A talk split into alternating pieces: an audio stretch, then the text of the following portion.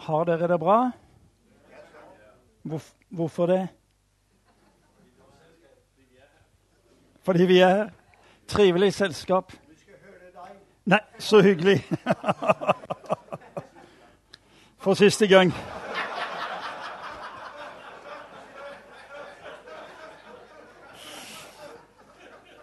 Så hyggelig. Det er bra. Ja, Men det kan godt gå bra. Pleier dere å si det på dansk? Det kan godt gå bra? Ja. Det er noen av dere som har vært ærlige. Eh, jeg vet ikke hva dere andre er, men noen av dere har vært ærlige. Så har de kommet til meg og sagt etter jeg har hatt mine to første foredrag, at eh, dette var inspirerende.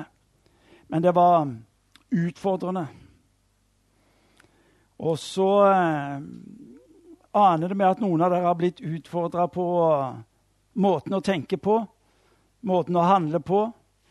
Som en sa, ja, du skjønner, eh, dansk sognemenighet er ikke det samme som din menighet. Og vi forstår det. Men det dere må få tak i, det er ikke først og fremst hva vi gjør som ting å kopiere, men få tak i selve saken. Hvis dette har hatt betydning for at mennesket har kommet nærmere Gud ved det også tatt imot hans frelse, hva lærer jeg av det? Um, det dere så her, er et profetisk budskap. Det er et profetisk budskap inn i vår tid, inn i vår by, hvor mennesker ikke forstår noen ting av hva som skjer. Hvorfor gjør disse menneskene det? Vi skal se på Kirken som profet. Det har vært glimrende bibeltime, glimrende foredrag for Oldkirken. Så skal jeg prøve å forvirre det hele med hovedsakelige spørsmål. Jeg elsker spørsmålene. Fordi at spørsmålet gir meg anledning til å lære nye ting. Men først en historie. Eh, husker dere Bill Clinton? Hillary Clinton? Det var hans kone. En dag var de, de Det hendte av og til at presidenten lurte seg ut. Uh, og så tok han og um, Hillary Clinton en biltur. Og så var det slik at De måtte stoppe ved en bensinstasjon og så måtte fylle opp bensin. og I USA var det slik at da, da gikk han inn og betalte, mens han som da styrte bensinstasjonen, han fylte opp. Sier dere bensinstasjon? Ja. Good. Så dere trenger det her òg. Ja, men det er bra.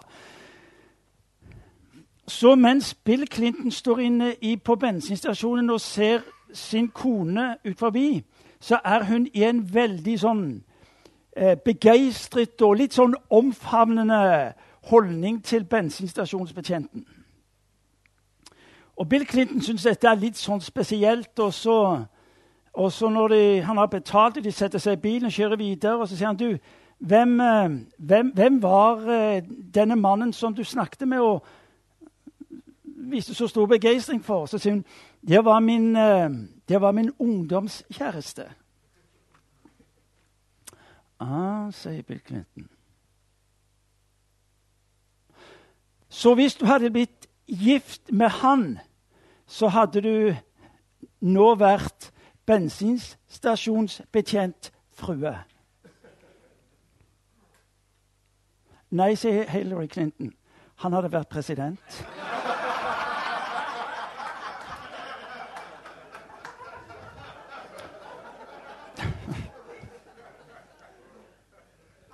Noe av det avgjørende i ditt og mitt liv, det er hvem vi henger sammen med.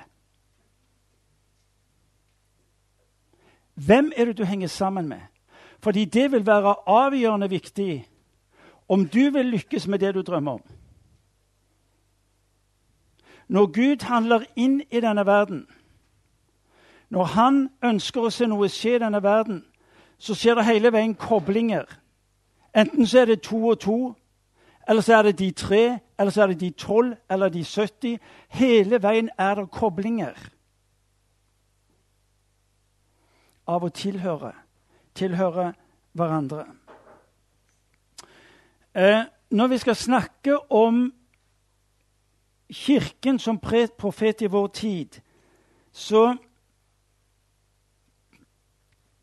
Vi må, vi må jo for skams skyld Dette er jo et menighetsfakultet, så vi, vi, må jo lese en tekst i hvert fall. Så har vi gjort det, og så, så får vi se om vi kommer tilbake den til den teksten. Men den er i hvert fall relevant. Det er, noen, det er jo noen prester og predikanter som tar utgangspunkt i teksten for aldri senere å vende tilbake. Men eh, det kan være relevant. Når vi, når vi skal snakke og skal fokusere på Kirken og dens betydning inn i samfunnet, så blir veldig ofte teksten fra Matteus evangeliet kapittel 5 lest fra vers eh, 13 til og med vers 16. Dere er jordens salt. Men hvis saltet mister sin kraft, hvordan kan det da bli gjort til salt igjen? Det duger ikke lenger til noe, men kastes ut og tråkkes ned av menneskene. Dere er verdens lys. En by som ligger på et fjell, kan ikke skjules. Heller ikke tenner man en oljelampe og setter den under et kar. Nei, man setter den på en holder, så den lyser for alle i huset. Slik skal deres lys skinne for menneskene, så de kan se de gode gjerningene dere gjør, og prise deres Far i himmelen. Først tematikken er gitt Kirken som profet. Mitt spørsmål blir hva mener vi med profet?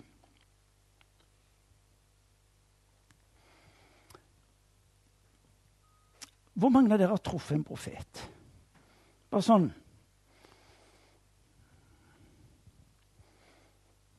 Én, to, tre Ja. Mer og mer frimodig. Vi velger altså en term som de fleste av oss ikke har et forhold til. Så når ordet profet kommer opp, er det, er det bilder som vi har hørt om, lest om, hva betyr ordet? Ser vi for oss Gammeltestamentets profet? Er det, da, er det det vi tenker med profet?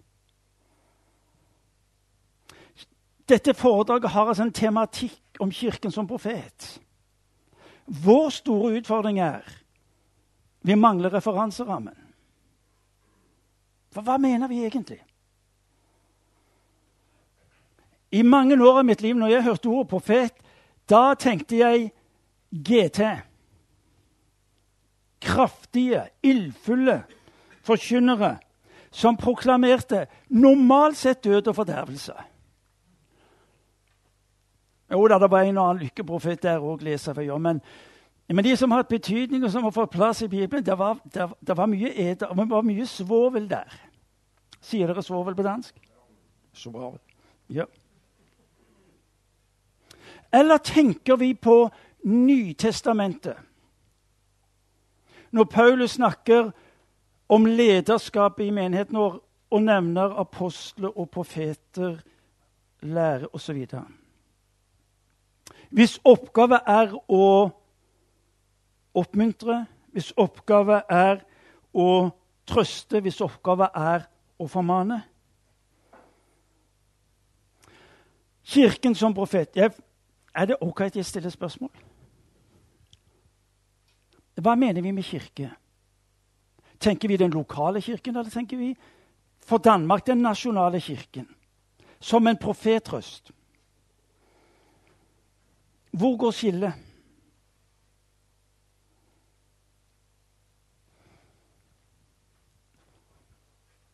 Fordelen med å være gjest det er at jeg hører mye. Nye ting. Og noe av det jeg hører, det er Nei, det kan vi ikke gjøre fordi at de er imot det. Jeg reiser i ettermiddag, så det gjør ikke så farlig. Nei, altså Indremisjonen er imot det. Ja, ja vel?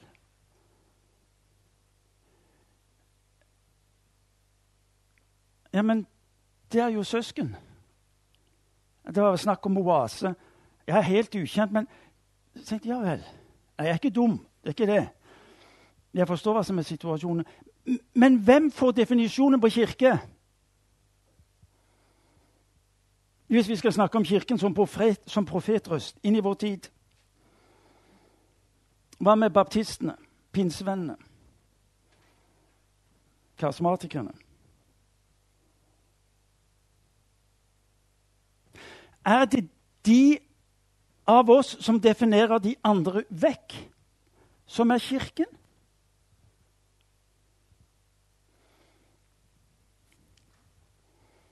Kanskje spørsmålene er helt irrelevante. Poenget mitt er at Kirken er ingen enhetlig størrelse. Hvem er det som skal få retten til å fremstå som profetisk røst på Kirkens vegne?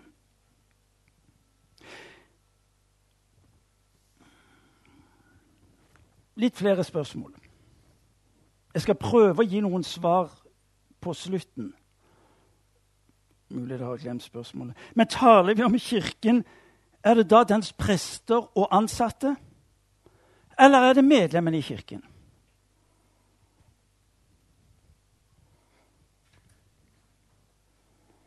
Hvis det er medlemmene i Kirken, så er det en meget ustabil og usikker gruppe. Den er det.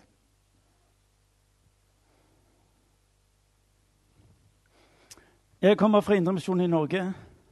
Jeg tror at Indremisjonen i Norge har en unik mulighet til å nå resten av folk med evangeliet. Jeg er stolt av å være en del av Indremisjonen, eller Nordmisjonen, som det heter i dag. De siste årene har Norge fått flere og flere liberale biskoper. Problemet for den nasjonale ledelse, og dette gjelder både i Misjonssambandet, Indremisjonen og andre frivillige organisasjoner. Det er at hvis generalsekretæren ber sine medlemmer innenfor et område om å bryte med den liberale biskopen, så anser vår generalsekretær at 90 vil overhøre, vil ikke bry seg om hva han sier.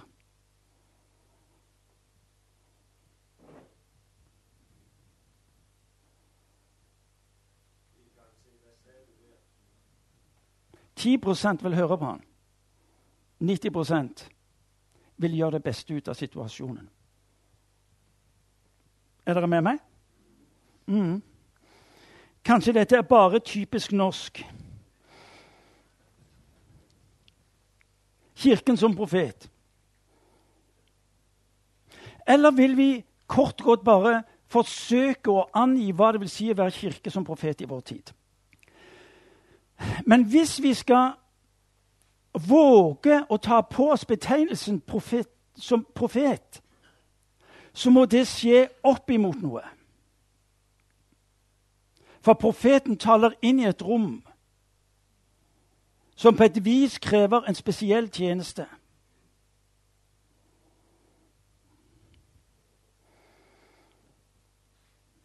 I første krønikebok kapittel 1232 leser vi om Isakars barn, som vi har nevnt. Isakars barn forsto seg på tiden og fortalte israelsfolket hva de skulle gjøre.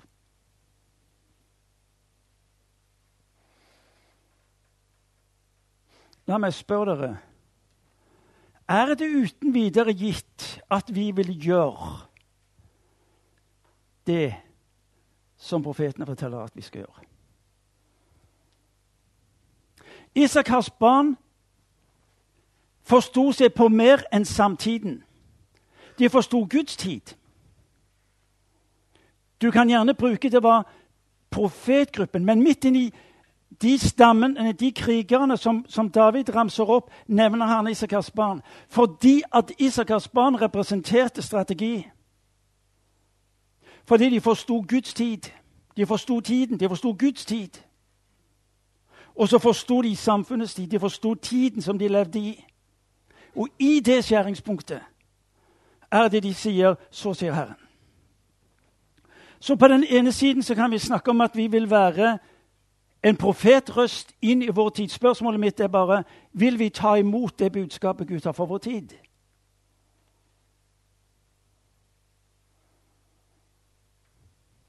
I don't know. Du vet for ditt liv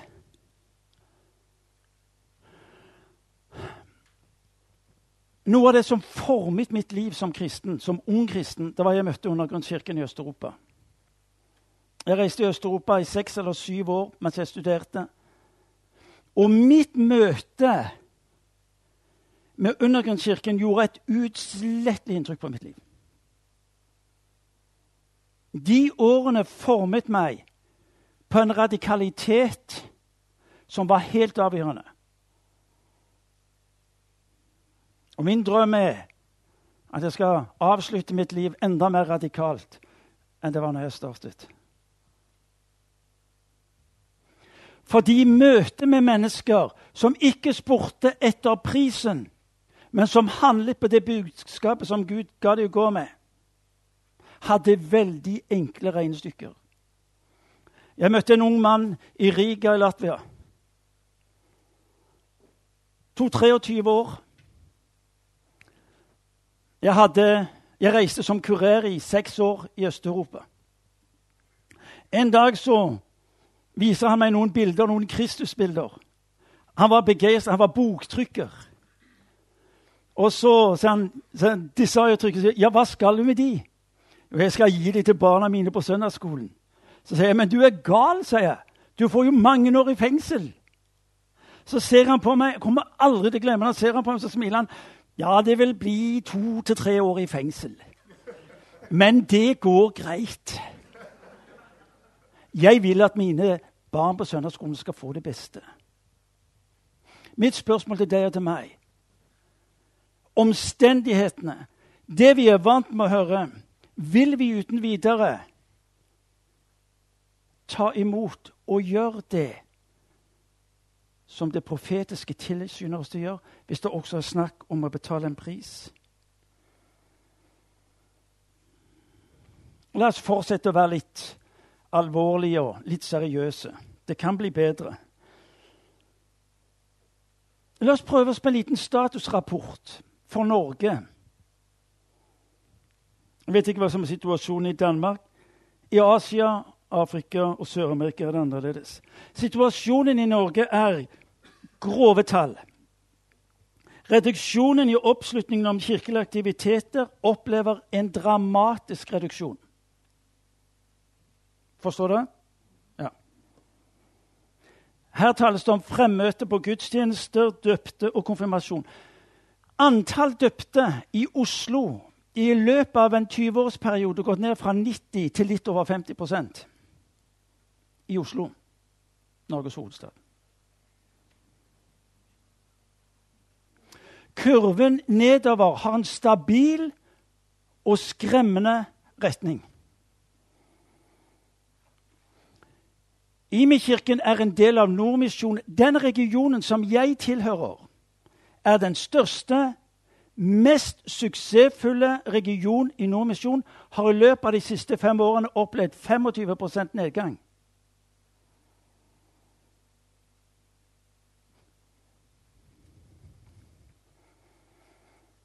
Folkekirkens ledelse har i dag flertall av liberale biskoper. Folkekirken gjennomgår en fase av politisering og demontering av de grunnleggende elementer i den kristne tro. Hvor alt som representerer tradisjonell kristendom, må tones ned og flyttes vekk. I skolene i Norge i dag er kristendomsundervisningen redusert til et minimum.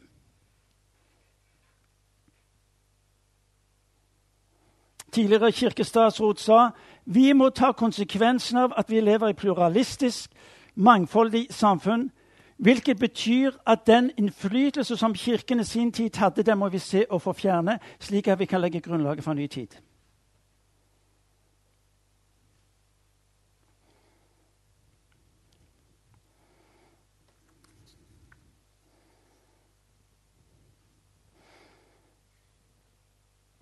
Ja, Vi kan ta en ting til.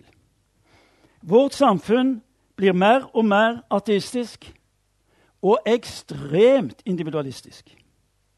Hvor fokuset er 'hva passer meg'?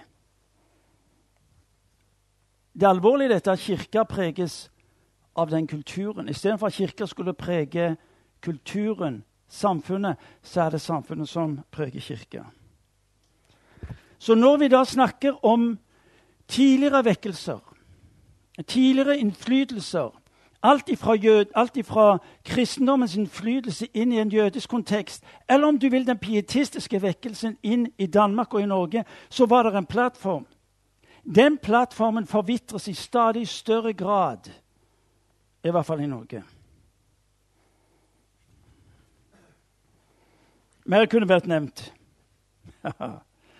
Men det er én ting vi har. Vi har fremdeles friheten.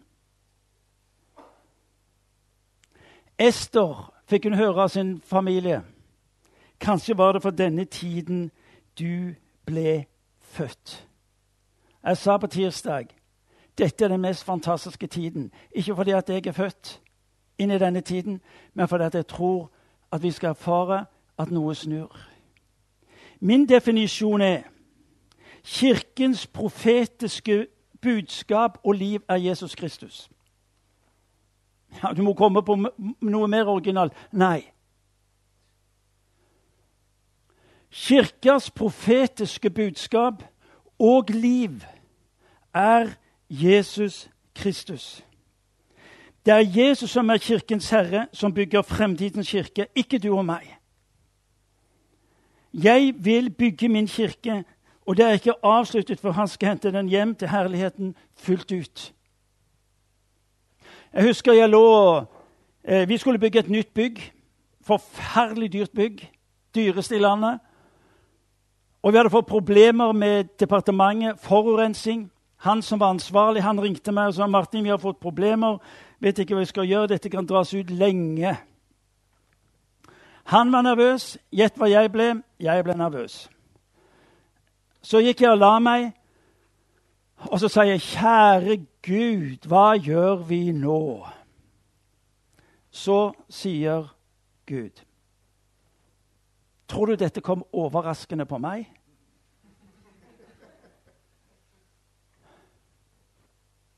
Så tenkte jeg, 'Nei, selvsagt gjorde det ikke det.'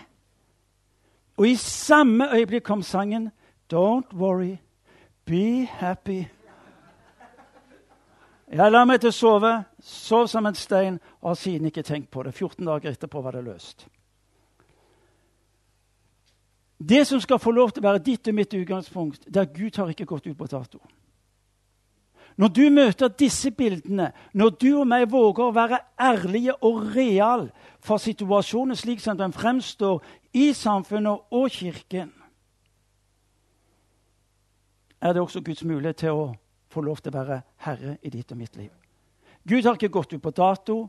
Dette kommer ikke overraskende på han. Han har ikke sluppet tak i sin kirke. Han har sagt han skal fullføre det han har begynt i ditt og i mitt liv. Det er vårt utgangspunkt når vi nå både møter en virkelighet som kan skremme oss, og vi ser på våre egne evner og tenker dette klarer vi ikke. Dette får vi ikke til. Kan vi lære noe av Jesu liv? Hvis Jesus er det profetiske budskap inn i vår tid som jeg tror, hva lærer vi av det? Hva var det som kjennetegnet Jesu liv som profet? Og det er interessant. Johannes, Profeten Johannes, som ble koblet opp til profeten Elia, han, han representerte konfrontasjonen. Han tok oppgjør med det meste. Jesu liv var ikke uten videre kjennetegnet på konfrontasjonen.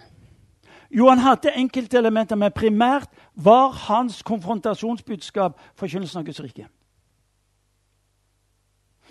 Det står en interessant beretning i Hebreerbrevet eh, kapittel 11 om trosheltene, om Noah, som ved sin tro ble til dom. Ser dere? Forstår dere hva jeg sier? Dere lovte meg at jeg skulle nikke, i hvert fall litt. Det er flott. Noas tro ble til dom. Guds rikets nedslag blir til dom.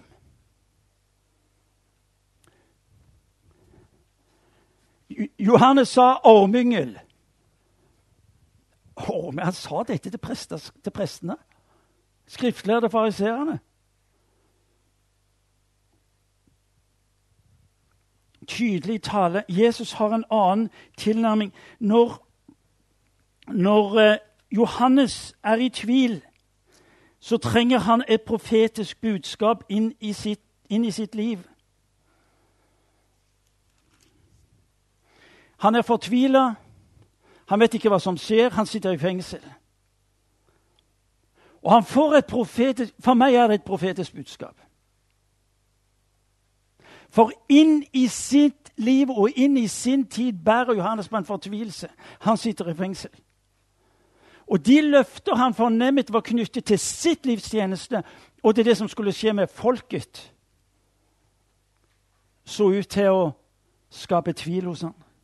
Jesus, er du den som skal komme, eller skal vi vente på en annen? Og Jesus sier til uh, Johannes i kapittel 11, vers 2-4 2-5.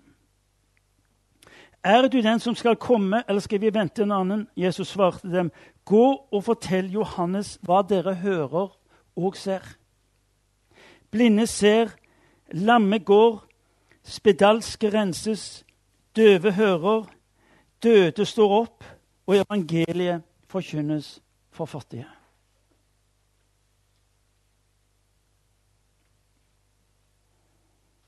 Er du den som skal komme, eller skal vi vente på en annen?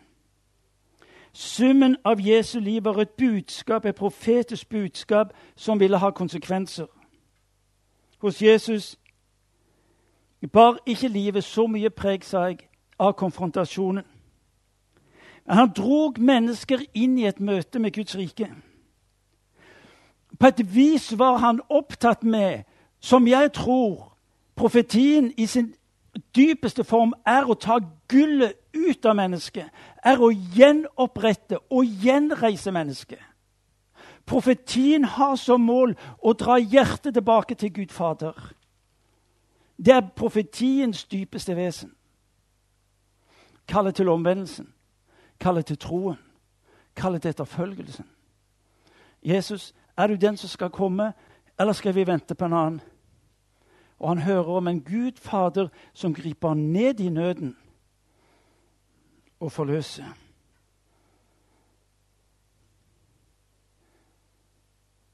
Jesu profetiske budskap var at Guds rike kom nær. Jesu profetiske budskap Guds rike kom nær. Ved det lød kallet til tro, til omvendelse og til etterfølgelse. Jeg stiller spørsmål. Er det dette vi kaller til å være i vår tid en profetisk kirke?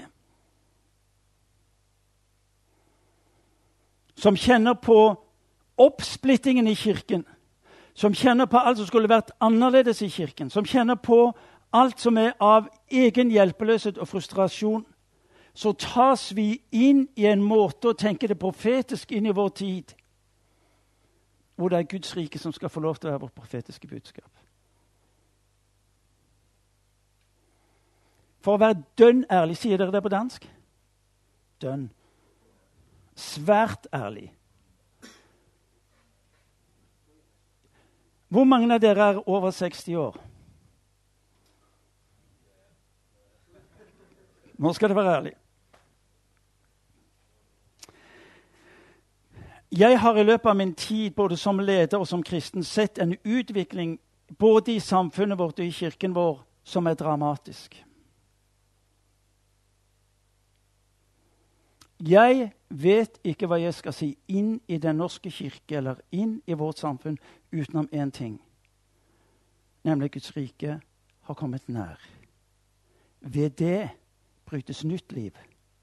Ved det skapes en Guds rike virkelighet som vil hjelpe mennesker ut av denne eh, klamme og denne måten å tenke livet isolert meg alene på. Jeg har kun et budskap, og det er Guds rikes forkynnelse. Derfor har jeg heller aldri gått i protesttog. En gang gikk jeg på husbesøk angående abortstrid i Norge. Jeg kommer aldri til å glemme den første døren jeg kom til, var jeg møtte en kvinne som var så fortvilet og som var så sint For hun sier Og så kommer hennes historie om en smerte, om en alenehet, om et liv som hadde blitt så vanskelig. Fordi at hun var nødt til å bære sitt barn fram.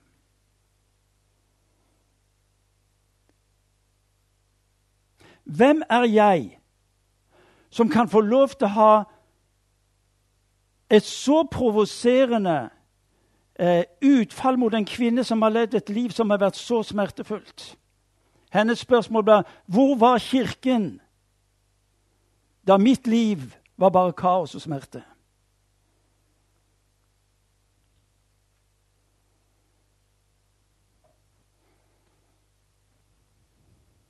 Vi kan gjerne mene det vi vil om alt det vi opplever er galt. Men det er som om Jesus gir oss et svar Guds rike. Synliggjort gjennom koinonia. Synliggjort gjennom tjeneren.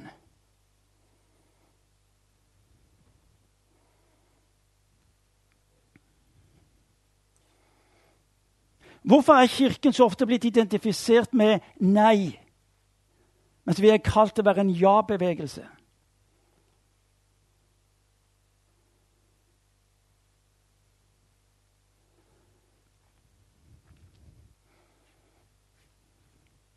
Vi opplevde for noen år tilbake at mange enslige mødre kom til vårt hus. De var skilt. De hadde fått barn ut forbi ekteskap. Livet var krevende. Mange kom til vårt hus. Og så sier jeg, 'Hvorfor kommer du til oss?' Så sier de, 'Vi opplever at vi ikke blir fordømt.' Vi opplever at dere vil omfavne oss og våre barn til tross for vår historie.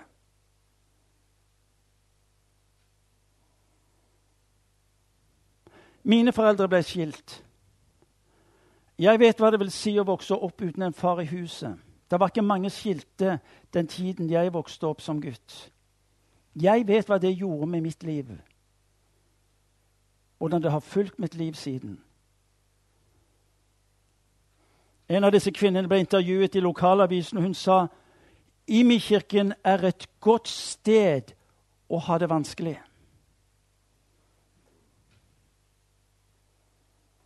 Menigheten skal få lov til å være et godt sted selv når livet er vanskelig.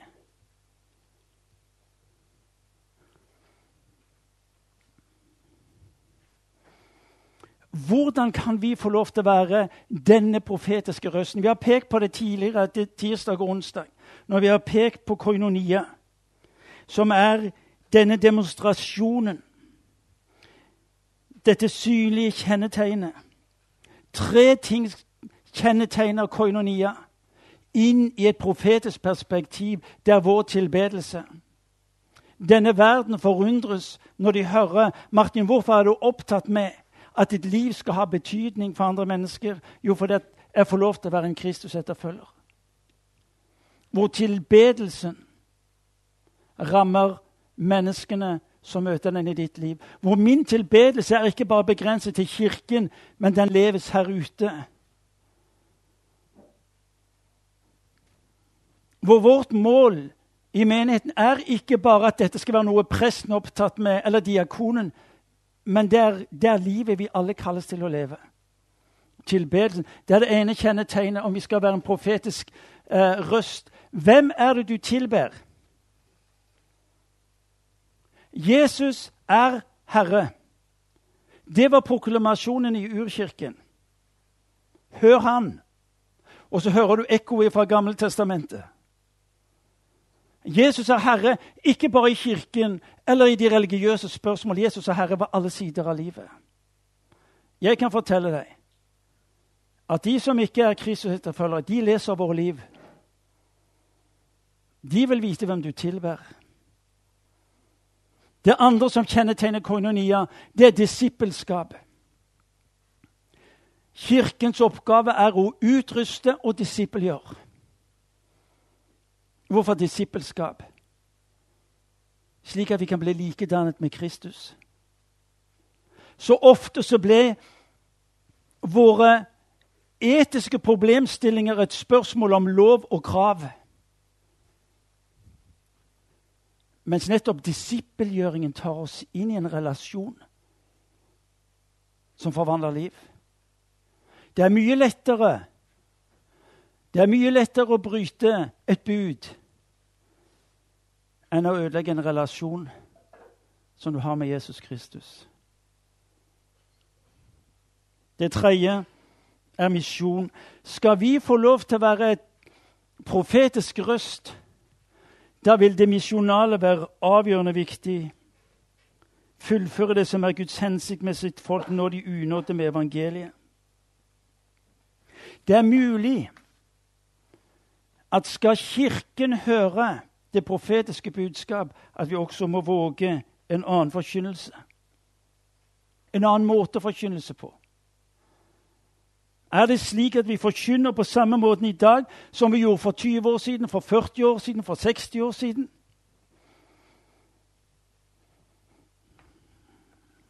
Hvis du leser evangelieberetningen, så vil du oppdage at de henvender seg til ulike målgrupper. Henvender seg til jødene som skjønner, som har en referanseramme. Til Johannes som henvender seg til, men, til hedninger som, som skjønner lite av det. Hva er det med vår forkynnelse? Min tese er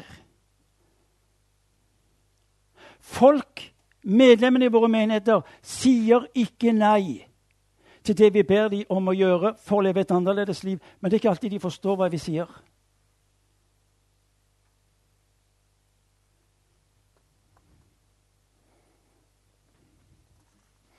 Skal vår forkynnelse ha fokus på alt som er galt i denne verden? Eller skal vi forkynne sterkt at Guds rike har kommet nær?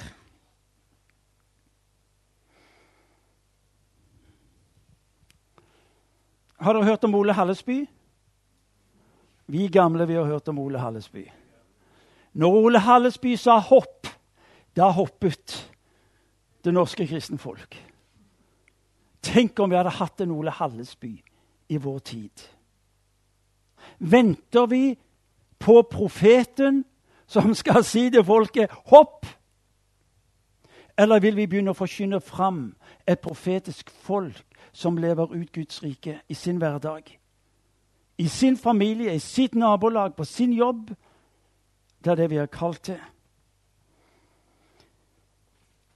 Leter vi etter den store profeten eller vil vi forkynne fram, vil vi lære opp, vil vi trene et profetisk folk av unge og gamle mennesker som er profetiske i alt de gjør? Jesus er Herre, lød proklamasjonen i urkirken, og det hadde konsekvenser på alle plan. Jesus sa at når kristne lever og demonstrerer Guds rike for menneskene i verden, så vil verden vende seg til Gud og prise hans navn. Det var den teksten jeg leste. Hør. Du er ikke kalt til å reflektere lyset. Du er lyset. Dere er lys. Dere er salt. Ved Guds ånd har det tatt bolig i ditt og mitt liv.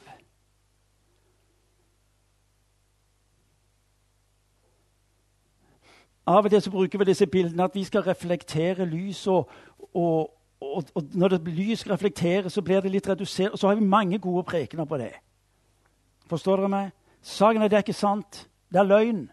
Du er ikke kalt til å reflektere lyset. Du er lys. Jesus går ifra til å si 'Jeg er verdens lys', til å peke på sine disipler og si 'Du er lys'. Du er lys. Og nettopp erkjennelsen av hvordan Gud ser på oss, skal få lov til å være vårt utgangspunkt for handling i denne verden. Hvem i all verden kan med basis i seg selv si 'jeg er lys'? Men jeg gjør det i dag fordi han sier det. Hør en gang til. Det han sier om ditt liv, er sannhet. Det han ber deg om å gjøre, det handler på nettopp i henhold til denne sannheten. Der jeg så mange ganger i mitt liv har sagt ja, men hør, Jesus, du forstår ikke. Du vet jo ikke hvem jeg er. Jo, han vet hvem jeg er. Jeg visste alt om deg før jeg deg kalte, synger vi i sangen. Når jeg forteller at det går ikke, og det kan ikke Så sier han Kan du ikke være litt stille? Kan du ikke være litt stille? Hva er det der står i, i Salme 119 som, som tenkte ja, Kjære venner, så sent jeg, jeg lærer så sent. Skal vi se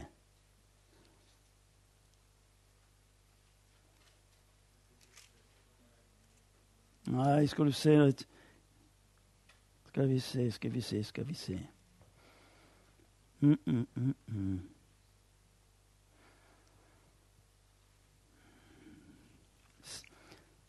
Du vet, Salme 19 har jo mange å velge i der, vet du.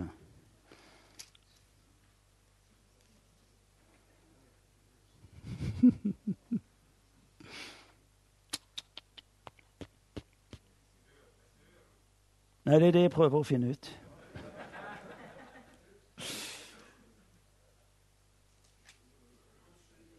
Jo, jo, jo, jo. jo.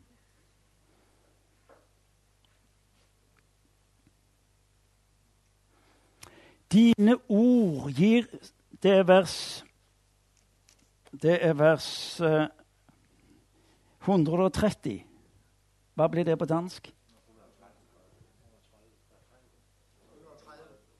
113. Ja, det er noe helt annet.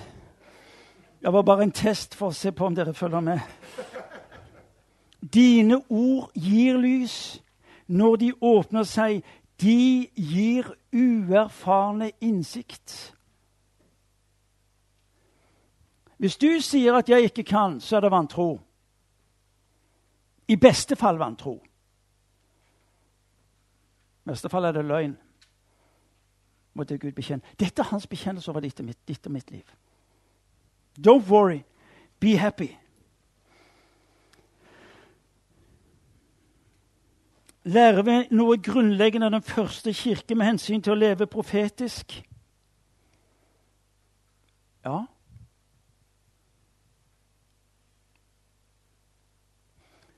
Men sterk Kristus-konsentrasjon. Hvor alt det de foretok seg, hadde et fokus på Kristus som frelseren, som kilde for livet, men også som den som var de nær med kraft når de trengte til det. Apostlenes gjerninger Vi må lese litt av det òg. Det er mye skrift her nå, men det, går det bra? ja, ja, ja, ja, ja. Fascinerende. Dette er for meg sånn Sånn er det. Eh, Apostlene har vært og blitt eh, fått kjeft igjen. De har blitt truet av eh, prestene. Men de kommer tilbake til menigheten, og så ber menigheten. Og nå, Herre, hold øye med truslene deres, og la dine tjenere tale ditt ord med frimodighet. Rekk ut din hånd, så det skjer helbredelser og tegn og under ved den hellige tjeners Jesu navn. Da de hadde bedt, skal stedet der de var samlet. De ble alle fylt med Den hellige ånd og talte Guds ord med frimodighet. Bevisstheten på hvem de var. Denne dype vissheten om at de var Guds barn, og at de var gitt posisjonen til å kunne få lov til å be, ga de en enorm frimodighet. Herre, hold øye med dem. Herre, hold øye med dem. Nå må du lufte ut, nå må du rekke ut hånda mot, mot, mot, byen vår, så må, du, så må du gripe inn. Hører du ekkoet ifra Exodus? Vær nå stille litt og vit at jeg er Gud. Herren din Gud skal stride for dere. Det å leve denne spenningen mellom å være hos og samtidig gå ut og handle på.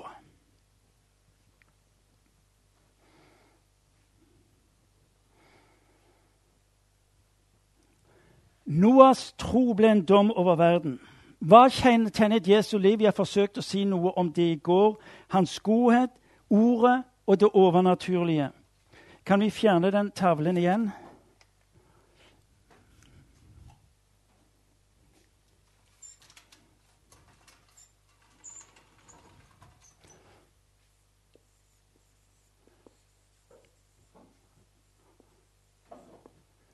Hvis Kirken i dag skal ha betydning, er den nødt til å øse av kristologien. Av Kristi liv, av hans forkynnelse, av det liv som kommer ved hans liv. Det andre er, som jeg sa i går, misiologien. Hvis ikke misiologien øser av kristologien, så blir det noe menneskeskapt, basert på menneskers tenkning. Og her kommer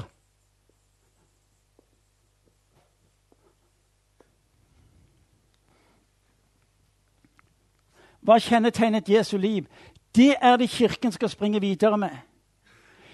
Det er det som vil skape enten etterfølgelse eller hat. Det er hva Kirken henter ifra Kristus, som han ga oss tilgang til ved sitt liv og ved sitt ord. Det er det vi skal springe videre med. Gud er i bevegelse. Vi er kalt til å leve i den samme bevegelse som kirke, for så en dag eh, komme til himmelen. Når Kirken fremstår som et bibelsk fungerende fellesskap, og som tjener, har den et budskap som sjokkerer og tiltrekker. Det er et faktum at Imi-kirken i Stavanger i dag er kjent på tusener av mennesker sine lepper, rett og slett ved at mennesker erfarte godhet. Rett og slett ved at mennesker opplevde at her er det en kirke som bryr seg om mitt liv.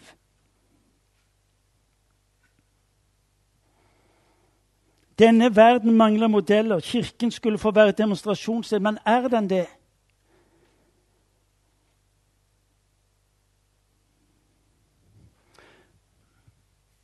Det starter innenfra.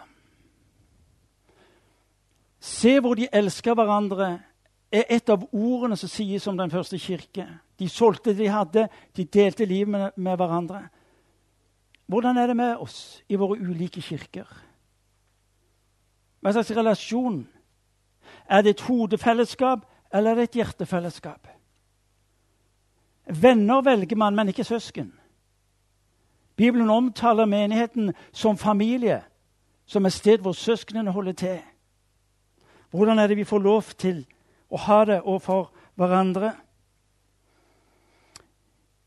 Ordet, godheten, det overnaturlige. Da står de hadde godvilje for alt folket, og de så hvor de elsket hverandre. Ved sykdommen, ved nøden. En av de fremste politimennene i Stavanger de oppdager kreft hos han. Han er ingen kristen. Han har et krevende familiesituasjon bak seg. Men han får høre om at Imi-kirken er et sted hvor de ber for folk som er syke. Han spør om han kan få lov til å komme. Hver onsdag kommer han. Han ligger på en madrass, og det er par i menigheten som ber for han regelmessig hver onsdag. I denne prosessen og på denne reisen som politimannen har, vokser erkjennelsen av hvem han er, nemlig at han er fortapt. Og på veien mot døden kommer samtalen og spørsmålet opp om denne Kristus. Han dør etter fire måneder, men hans liv er forvandlet. I begravelsen, hvor alle byens politioffiserer og betjenter var til stede, står hans ekskone fram, og så sier hun hans liv har vært krevende, men måten han avsluttet livet på, har vært som himmelen. På denne vandringen fikk han et møte med denne Jesus som har hatt en avgjørende betydning. Og han møtte det i kirken, i Imi-kirken. Jeg har ikke behov for å stå her og skryte av min menighet. Jeg sier bare hva slags rykte er det vi har ut iblant mennesker om at her er det et sted hvor jeg kan få lov til å komme med min nød og med min smerte?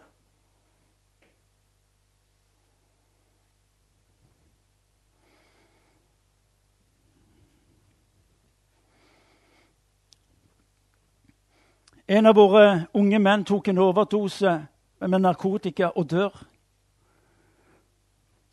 Helt fortvilet. Var blitt kristen året før, og livet var fantastisk. Så var det noe som skar seg, og så tok han den vante dosen som han, vant, som han hadde før, og så var den for sterk, og så tar det livet hans.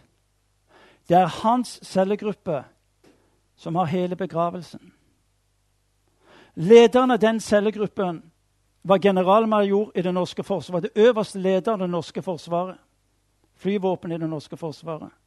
Han ledet begravelsen.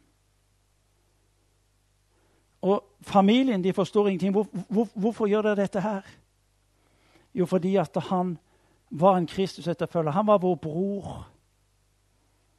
Generalmajoren om den som ligger død på bakgrunn av en overdose, han var min bror.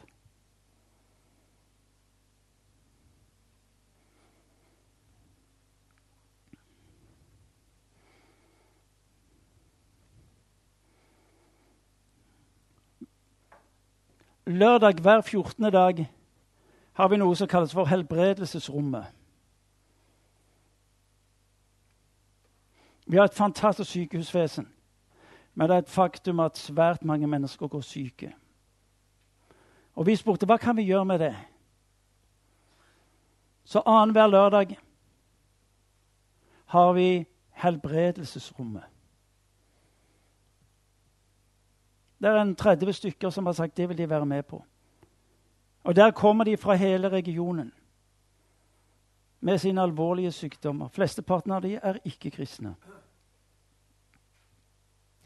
Og så lyder bekjennelsen fra de, Hva er det med dette stedet? Vi kommer inn og møter en atmosfære av godhet som vi aldri før har møtt. Dere tar imot oss med en respekt som er uvanlig. Og så får vi høre igjen og igjen flere og flere vitnesbyrd om hvordan mennesker som ikke er kristne, som sier men kan jeg få lov til å bli bedt for, jeg er jo ikke kristen. Ja, evangeliet er for alle mennesker uansett. Og Så kommer vitnesbyrd om at de blitt helbredet. Blir alle helbredet? Nei. Jeg har fortalt det vitnesbyrdet går om over Konrad. Jeg har mange av våre venner som dør for tiden av kreft.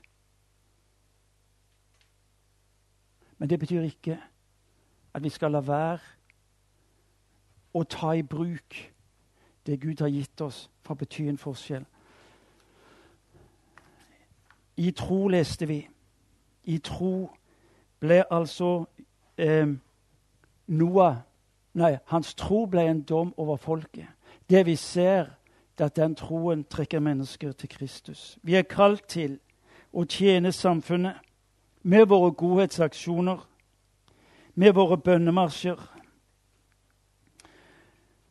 Jeg husker at jeg for en del år tilbake vi hadde bønnemarsj i Stavanger. og Jeg sto på byens høyeste punkt, og jeg så utover byen. Og plutselig så fikk jeg disse fantasiene om all den ondskap som var i de mange hjem. Om overgrep, om misbruk, om løgn. Jeg begynte, jeg begynte å se alle de ulike bildene som, som, foregikk i disse ulike husene. Forstår dere meg? Jeg så utover byen. Og mens jeg står der og mater meg selv med alt som er galt, så er det akkurat som Gud bryter inn i min tanke og sier han, hør, Martin, de trenger ikke din dom, de trenger min barmhjertighet.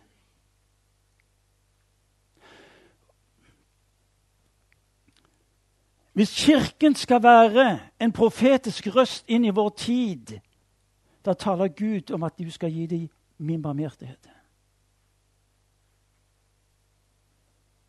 Du skal gjøre deg fortjent til å konfrontere. Martin, de trenger ikke din dom. De trenger min barmhjertighet. Bibelen er nettopp vitnesbyrdet om de mange håpløse situasjoner hvor han grep inn med sin barmhjertighet. Hvordan kan vi da få lov til å leve i dette? Med bakgrunn av det teppet som jeg tegnet innledningsvis. Det vi tror Gud kaller oss til å være. La meg få lov til å foreslå et par ting. Vi leser igjen og igjen hvordan Israel utlyste bønn og faste når landet var i krise.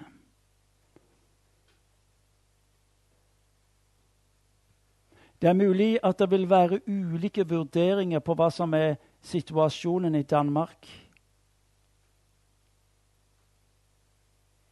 Men bønn og faste bærer med seg et bibelsk vitnesbyrd og et samfunnsmessig gjennomslag som vi skal lære av. Det andre er hvordan leve i dette som menighet. Imi-kirken har noe som kalles for Agenda 1. Det er et menighetsnettverk. Det er 30, 30 norske menigheter. Vi har hatt dette i to år. Det er 30 norske menigheter som har spurt om de kan få lov til å være en del av dette menighetsnettverket. Det vi opplever å se, er at de fleste menigheter lever isolert. Det vi inviterer menighetene til, det er to ganger i året å komme sammen med oss for å fokusere på et misjonalt liv, misjonalt lederskap, misjonale fellesskap og et misjonalt senter. Dette er det vi snakker om. Så hjelper vi hverandre til å leve misjonalt med et perspektiv av å ville ta med oss det dere har sett her. Der finner du pinsevennene. Der finner du lutheranerne. Der finner du misjonsforbundere. Der er et lignende nettverk som Århus valgmenighet driver her. Det er veldig stor parallell til det vi driver i Norge. Kan jeg få lov til å si dere noe nå, og så må dere ta imot det med megen velvilje? Jeg vet at noen av dere aldri kunne tenke dere å gå til Århus valgmenighet.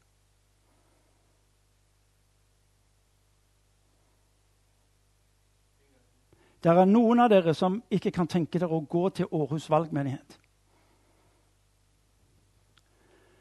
Det viktigste i ditt liv som leder der, hvor er de menigheter som jeg kan få lov til å stå sammen med, som vil kunne hjelpe meg, som vil holde meg ansvarlig på å kunne fullføre det som er Guds kall for mitt liv og for menigheten. For mange år siden så besøkte jeg Oslo Kristne Senter. Vet dere hva det er? Det var i sin tid Norges største pinsekarismatiske menighet. Jeg tenkte han må da gjøre noe rett. Så jeg ringte han og så sa jeg, du, kan jeg få komme og besøke deg? For jeg vil, jeg vil gjerne lære hva du holder på med. Siden mennesker ble frelst i hopetall. De ble frelst og helbredet. Jeg kom opp til ham på hans kontor. Han var sjokkert over at en luthersk prest kom og besøkte han. Han fortalte på pinsevenns vis. Jeg spurte han, er, 'Hvordan tenker du slik at dette skjer?' sa han. 'Jeg kjenner det i mitt hjerte.' Ja, samme for meg, sa jeg, hvor du kjenner det henne. Så spør jeg han. Har du ofte besøk? Nei. Mener du å fortelle at det er ingen Nei. De tør ikke.